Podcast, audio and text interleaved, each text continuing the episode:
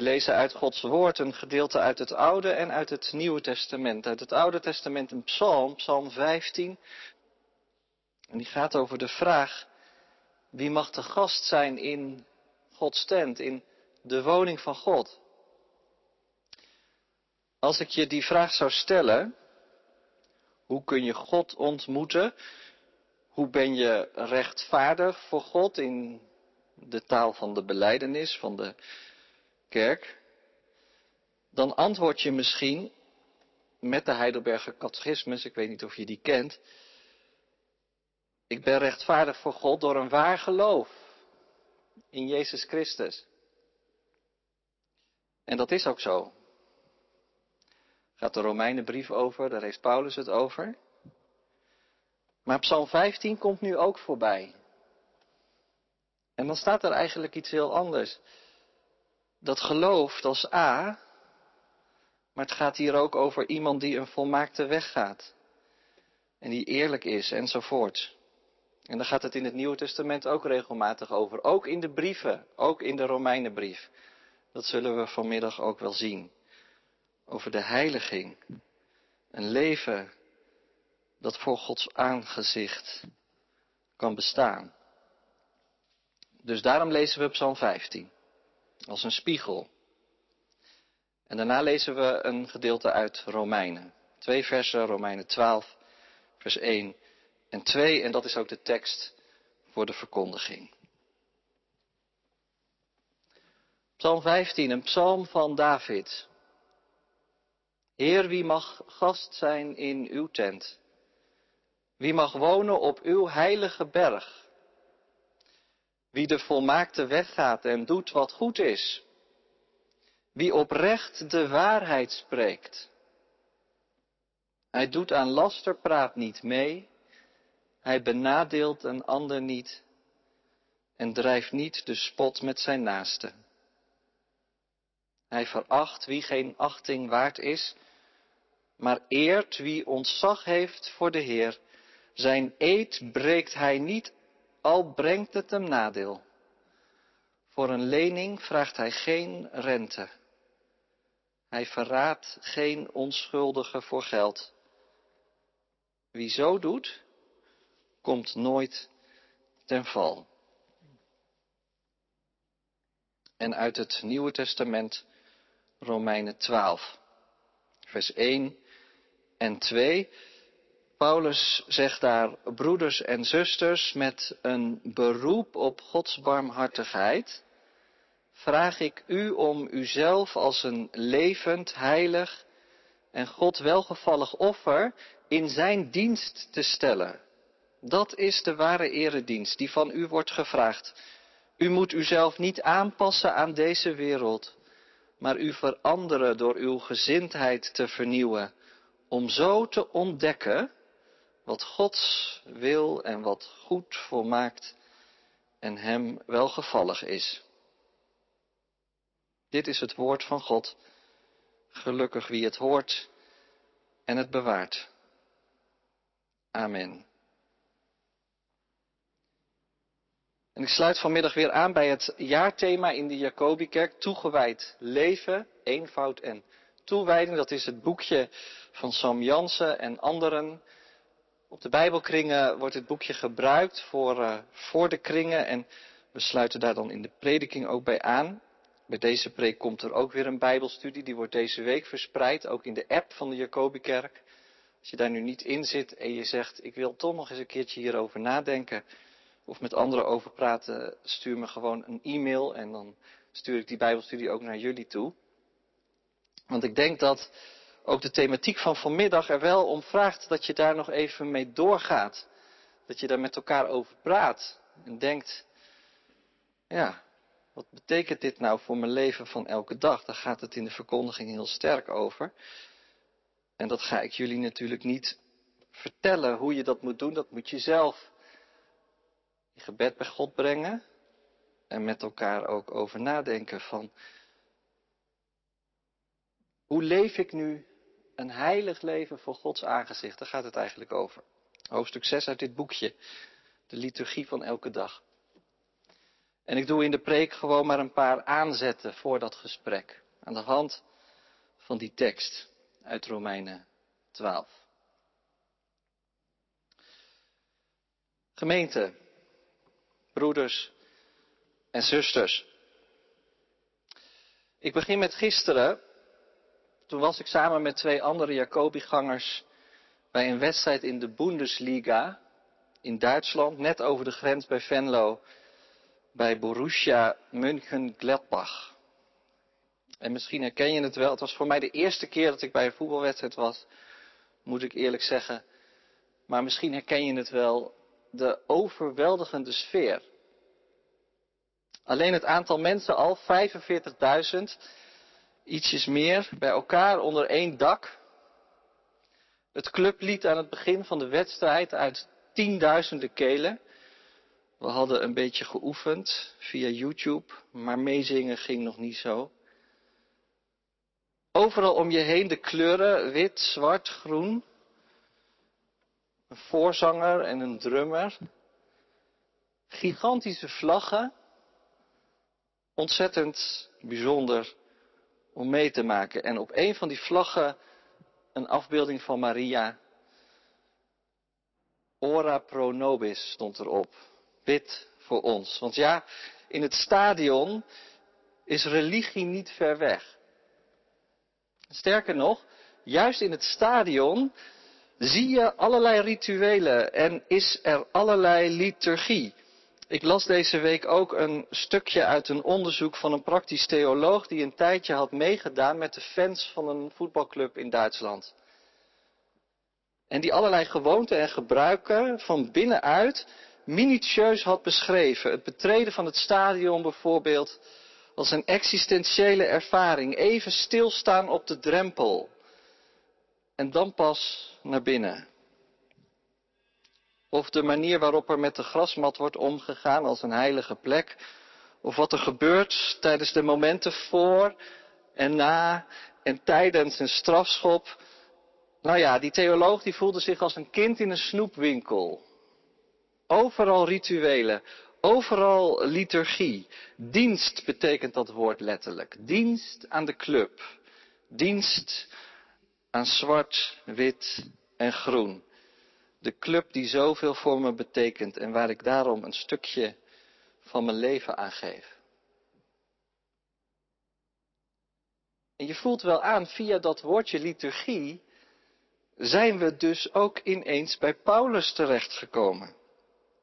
Want we horen hem zeggen, broeders en zusters, met een beroep op Gods barmhartigheid, vraag ik jullie om je leven in dienst van God te stellen. Liturgie dus, dienst, dienst aan God. Je leven als een heilig offer. Alles wat je doet. De hele dag door. Paulus is halverwege zijn grote brief aan de gemeente van Rome. En hier begint hij dus weer met dat woord. Broeders en zusters.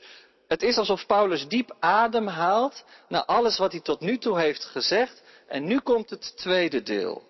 Broeders en zusters, luister goed. Wat is er allemaal vooraf gegaan? Wat heeft Paulus allemaal in het eerste deel van zijn brief gezegd? Nou, je zou het als volgt zo kunnen samenvatten. Paulus heeft duidelijk gemaakt dat ieder mens dankzij de genade van God in vrijheid voor Gods aangezicht kan leven. Niemand hoeft bang te zijn voor de zonde die overal om je heen is en die zelfs in je eigen hart leeft en woont. Die zonde is er wel, want deze wereld is helemaal doortrokken van de zonde en de gebrokenheid, maar dat is niet het enige. Kijk maar naar Gods handelen door de eeuwen heen, zegt Paulus. En dan trekt hij als het ware in de brief een hele lijn door de geschiedenis en laat hij zien dat er steeds weer een ingrijpen van God in deze gebroken en zondige werkelijkheid is geweest. En dat dit ingrijpen steeds weer om een antwoord vraagt. Het antwoord van het geloof, waardoor je rechtvaardig staat voor God, waardoor je om het zo te zeggen, in vrijheid voor Gods aangezicht kan leven, bevrijd van de last van de zonde. Kijk naar Abraham, toen hij geroepen werd. Hij verstond Gods stem en hij reageerde in geloof en het werd hem als rechtvaardigheid aangerekend. En kijk naar Gods ingrijpen in de werkelijkheid in Jezus Christus. Wie geloof hecht aan zijn dood en aan zijn opstanding, is rechtvaardig voor God. Die sterft als het ware met hem en staat op in een nieuw leven, een leven bevrijd van alle zonde. Nou, dat alles heeft Paulus vol overtuiging opgeschreven. Maar ik zei het al, nu haalt hij diep adem, want hier blijft het niet bij. Dat hele evangelie heeft blijkbaar consequenties voor het leven van elke dag. En daarom haalt Paulus na deze woorden over het evangelie er nu ook de liturgie bij. De dienst aan de God die zich zo heeft geopenbaard. En die je uit dankbaarheid dus niet anders dan dienen wil. En hij kijkt de gemeente van Rome aan en hij vraagt hen op de man af, als je dit nu mag geloven, wat betekent dat dan voor het leven van elke dag? Raakt het je? Hoe zie je aan jou dat je rechtvaardig voor God leven mag en dat je weet van vergeving? Kilo's lichter, zo klonk het vanochtend in de dienst als je hier was. Kilo's lichter. Nou, wat zie je daar dan van? Zoals je een supporter van Borussia Mönchengladbach herkent aan zijn groen met wit met zwarte sjaal. En zoals je weet dat hij de hele seizoenskalender van de club uit zijn hoofd kent en naar elke nieuwe wedstrijd toeleeft, vol hoop en verwachting. Wat doet het evangelie met je? Hoe raakt het aan elke vezel van je bestaan? Ik noemde net al even dat boekje dat we dit seizoen gebruiken voor de Bijbelstudies, toegewijd leven. En het hoofdstuk wat we gaan behandelen is hoofdstuk 6. En dat is geschreven door dokter Bert de Lede, die hier af en toe ook komt. En dat hoofdstuk begint met een heel directe vraag. Namelijk de vraag wat het nu precies voor verschil maakt als je gelooft. Die vraag van zojuist. En iemand zegt tegen de leden aan het begin van dat hoofdstuk, ik denk dat het leven van de mensen bij mij in de kerk voor 90% hetzelfde is als dat van hun seculiere buren. En daar is de leden dan wel wat ondaan van. Zou dat kunnen? Dat je Christus kent en dat je leven voor 90% hetzelfde is als van iemand die Christus niet kent? Maar is er dan niet ingebroken in je bestaan? Is het dan niet zo dat Christus in jou leeft en jij in Hem? Ben je dan niet met Hem gestorven en opgestaan in een nieuw leven? Paulus zegt het zo in Romeinen 6. Weten jullie dan niet dat je door de doop in zijn dood bent begraven, om zoals Christus uit de doden is opgewekt, een nieuw leven te gaan leven? Een nieuw leven. Daar is het Paulus om te doen. In de tweede helft van zijn brief. En vergis je niet, dat leven is niet alleen een leven na de dood. Dat zou toch echt te makkelijk zijn.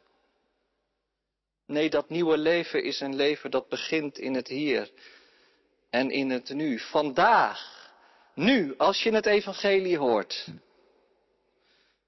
Een heilig leven. Een leven dat een en al liturgie is, dienst aan God, want ja, zo staat het er echt. Ik vraag jullie met klem, ik roep jullie op om jezelf als een levend, heilig en God welgevallig offer in zijn dienst te stellen. En dan voel je meteen wel aan, in dat woordje offer komt meteen al een hele wereld van betekenis mee. Dat je leven uit dankbaarheid voor het evangelie ook iets van een offer heeft. Dat het je iets kosten kan, maar het levert je nog veel meer op. Hoe ziet dat leven eruit? Nou, daar zegt Paulus twee dingen over. Hoe kun je God dienen met je hele bestaan? Wat moet je dan doen? Twee dingen. In de eerste plaats je gezindheid vernieuwen. Dan gaat het dus om je hoofd en om je hart. Dan gaat het over je denken. En in de tweede plaats door jezelf niet aan te passen aan de schema's van deze wereld. Dan gaat het dus over je handel en je wandel, over je doen en je laten. Eerst maar even dat laatste.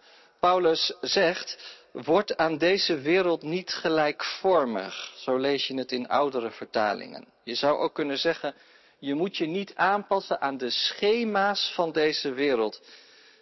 En in dat Griekse werkwoord wat Paulus gebruikt zit inderdaad ook het woordje schema verstopt, verscholen. Je zou ook kunnen denken aan het woordje frame of denkkader of paradigma of nou noem maar op. Paulus zegt, laat je niet in het denkraam of in de denkramen van deze wereld stoppen. Want we hebben al gezien, in deze wereld breekt God nu juist in. En deze wereld heeft zo haar schema's en haar wetmatigheden en haar gewoonten en haar culturele normen en waarden.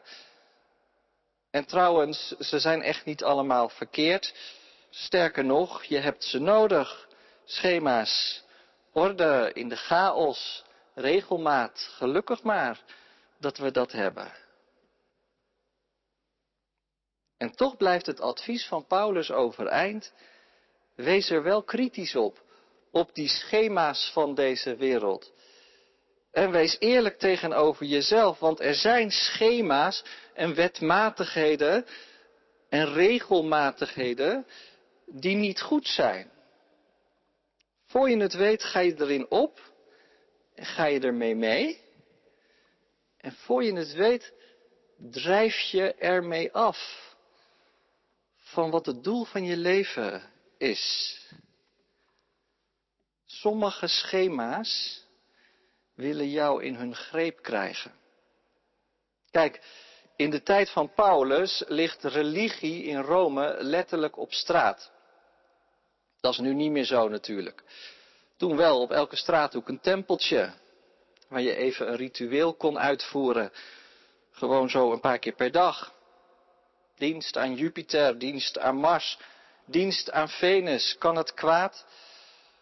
Er zijn hele liturgieën ontstaan in Rome en de mensen doen er massaal aan mee. En als je er niet aan meedoet, is het slecht voor het Romeinse Rijk. Maar Paulus zegt, wees er kritisch op. Op al die afgoden en op al die tempeltjes. Pas op.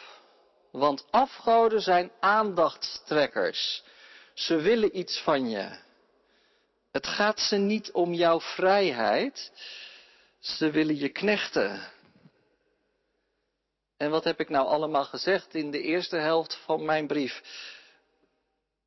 Er is een God die je lief heeft die je wil bevrijden. Dat is de God die jullie tegemoet kwam in Jezus Christus.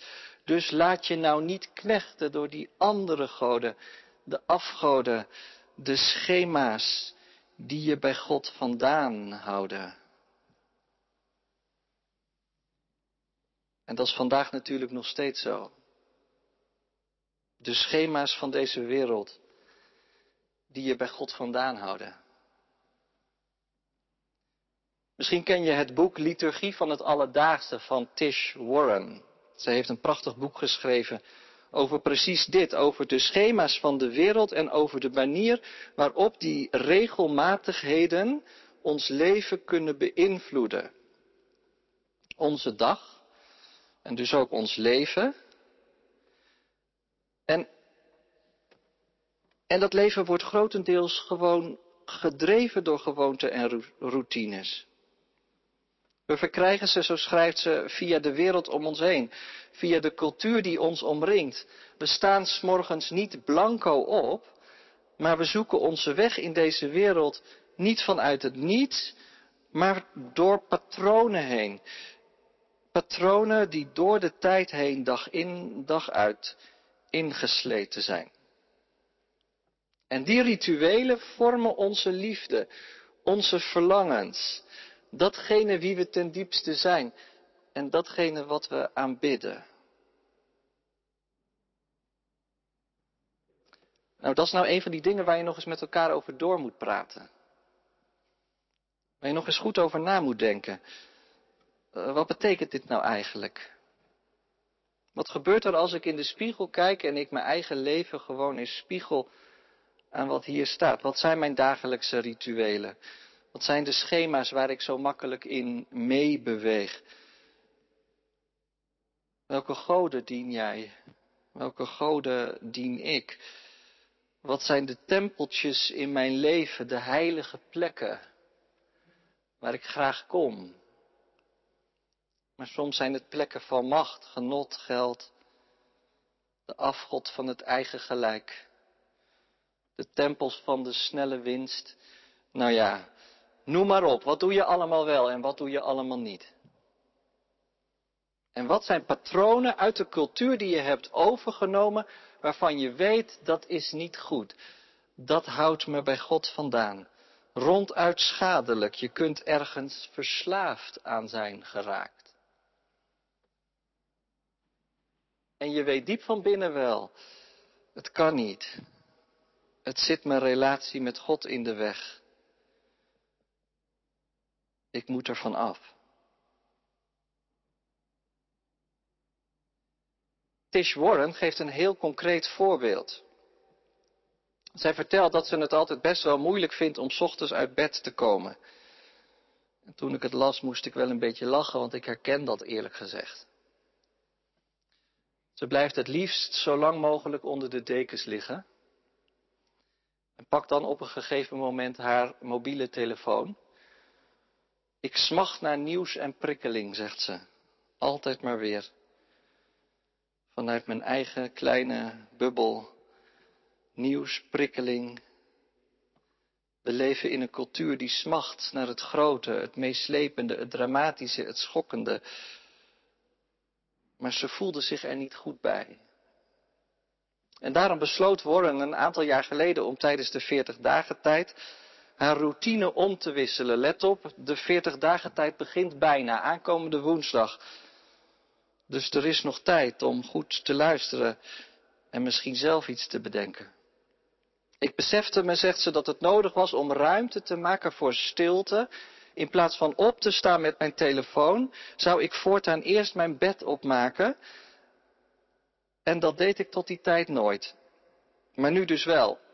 En dat lijkt heel banaal. Ze begint elke dag met uit bed komen en niet in blijven liggen en de telefoon pakken, maar eruit stappen, daar is wel discipline voor nodig en kracht en moed. En dan gaat ze er bed opmaken en dan gaat ze er even op zitten. Mooi voorbeeld van een heel klein vaste ritueel. Maar doet het ook iets? Nou, daar schrijft ze over. Heel langzaam begon ik te merken dat mijn dag toch anders werd ingeprent als ik zo begon. De eerste beweging die ik op een dag maakte was niet die van de consument, maar van een medewerker van God. In het scheppingsverhaal kwam God immers de chaos binnen en schiep orde en schoonheid. En door mijn bed op te maken weerspiegelde ik iets van die scheppende daad. Nou, ik weet niet wat je ervan vindt. Zou dat nou werken, zoiets? Het boek staat vol met dit soort voorbeelden. Lees het eens als je geïnteresseerd bent. Maar weet je wat wel mooi is? Ze gaat ook nog een stap dieper.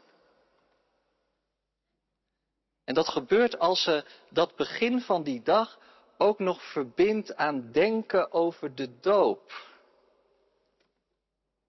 En dan krijgt zo'n alledaags ritueel ineens een nog diepere lading.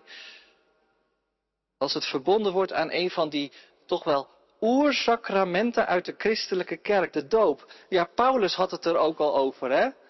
Met Christus gestorven en opgestaan in een nieuw leven. Dat hele eenvoudige ritueel aan het begin van haar dag verbindt ze aan de doop. En ze zegt, ik ga ook elke dag even aan de doop denken als ik daar zit. Weet je waar ik een beetje op leek als ik in de ochtend nog in bed lag? Op een babytje in de warmte en geborgenheid van de baarmoeder. En je moet als het ware elke dag weer opnieuw geboren worden, de wereld in. Dat bed uit. En wat moet er met dat kind gebeuren? Nou, dat kind dat moet gedoopt worden. Te horen krijgen dat er een God is die ingrijpt met wie ik mag sterven en opstaan in een nieuw leven, elke dag opnieuw, zodat ik als een nieuw mens bevrijd de dag kan beginnen. Kan het beter? Kijk, in de traditie van de kerk is de doop natuurlijk iets eenmaligs. We hadden deze week doopvoorbereiding en dan hebben we het er altijd over. De doop gebeurt één keer. Maar vergis je niet, de doop moet elke keer opnieuw beleefd worden, mag elke keer opnieuw beleefd worden. Elke keer als er gedoopt wordt in de kerk kun je denken aan je eigen doop. En in sommige kerken staat de doopvond helemaal achterin bij de ingang, zodat je er zelfs elke keer als je de kerk binnenkomt even langs loopt en even het water aan kunt raken. Voelen die belofte van God, van reinheid en afwassing van je zonde. De doop, dat is toch iets om elke dag aan te denken. Wat een prachtig ritueel. Gewoon maar thuis, op je opgemaakte bed. En zo zijn we weer terug bij Paulus. Want ik zei, hij noemt twee dingen als het gaat om dat nieuwe leven voor God. Dat leven als een heilige eredienst aan de ene. En het eerste hebben we net gezien. Jezelf niet aanpassen aan de schema's en de regelmatigheden van deze wereld. En daar kun je dus misschien wel regelmatigheden tegenin bedenken. Andere rituelen, verbonden aan de sacramenten in de kerk, aan het woord dat je elke zondag hoort. Maar het andere wat Paulus noemt is dit. Je mag jezelf ook veranderen door je gezindheid te vernieuwen. Je zou ook kunnen zeggen, je mag jezelf veranderen door je oog steeds weer te richten op de hemel. En ik dacht dat heeft eigenlijk ook te maken met de doop. In de vroege kerk gingen de dopelingen door het water heen. Er zijn wel doopfonten gevonden met een trap aan de ene en een trap aan de andere kant. En de dopeling daalde in het water af, ging door het water heen en stond aan de andere kant uit het doopvond uit het water op. En ik dacht als dat gebeurt, en je door de doop heen gaat, en je opstaat in een nieuw leven, dan kan het toch eigenlijk niet anders dan dat dat zo gebeurt met je ogen omhoog en je handen uitgespreid naar boven. Ik moest denken aan een gezang, gezang 437. Een gebed voor na de doop. Vernieuw gij mij, o eeuwig licht, en laat mij voor uw aangezicht geheel van u vervuld en rein naar lijf en ziel herboren zijn. En je voelt wel aan, ook dat is niet iets eenmaligs. Die verandering van je gezindheid, die gerichtheid op de hemel, dat is ook iets wat je elke dag weer opnieuw moet leren. Vraagt ontvankelijkheid. Vraagt geloof. En ik wilde er vanmiddag nog één ding aan toevoegen. Vraagt volgens mij ook creativiteit. Kijk maar hoe het er staat. Om zo te ontdekken wat God wil en wat goed volmaakt en God welgevallig is. Om zo te ontdekken. Laat je gezindheid vernieuwen om zo te ontdekken. Dat is toch een prachtig woord? Ontdekken. zoekend, tastend en zo nu en dan een doorbraak, geestelijke groei. Ik heb ontdekt dat creativiteit om te verstaan wat dat symbool van de doop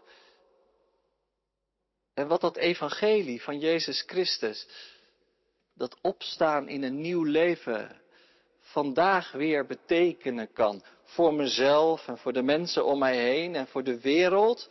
Creativiteit om er elke dag weer mee aan de slag te gaan. De geest die je daarin ook stimuleert. En die je dingen laat zien die je eerst nog niet zag. Weet je, daarom is het denk ik ook zo belangrijk om je in de christelijke traditie onder te dompelen. Net zoals die voetbalsupporter dat doet bij zijn club. Dat je de dienst van God van binnen en van buiten kent. En dat je de broeders en zusters om je heen kent en ziet. Zodat je samen met hen God kunt dienen. En dat je de liederen zingt die de gemeente je aanreikt op zondag en door de week. En dat je weet hebt van de symbolen die hier voorbij komen. En van de betekenis ervan. En dat je jezelf elke dag weer verwondert over dat grote nieuws waar Paulus het over heeft dat er zoiets bestaat als een nieuw leven voor Gods aangezicht. In alle vrijheid voor Hem. Doe je mee. Ten slotte nog één ding. Je hebt inmiddels wel door dat Paulus in deze tekst de beweging van de kerk naar de straat maakt. Toen we gisteren na die wedstrijd het stadion verlieten, gingen we nog even langs bij de winkel, de supporterswinkel. Ook weer zo groot, ongelooflijk. Een enorm magazijn vol met shirts en schoenen en mutsen en van alles en nog wat. En alles in de kleuren groen met wit en zwart. Er zijn mensen die er een dagtaak aan hebben om gadgets te verzinnen die op een of andere manier iets van die club op straat weten te brengen. Een sleutelhanger. Of nog wat anders. Zou dat zijn wat Paulus bedoelt met dat woordje ontdekken?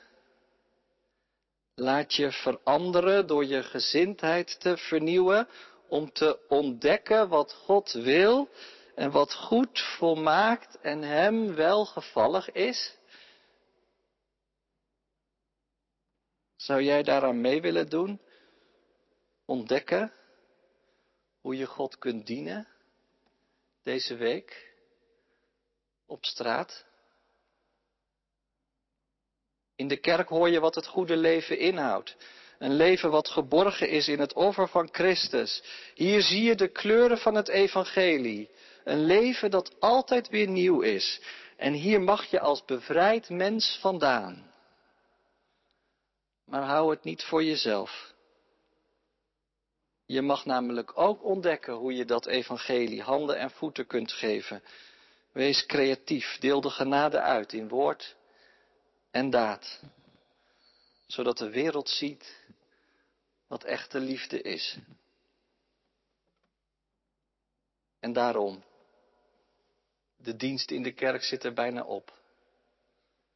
De dienst op straat kan beginnen. Amen.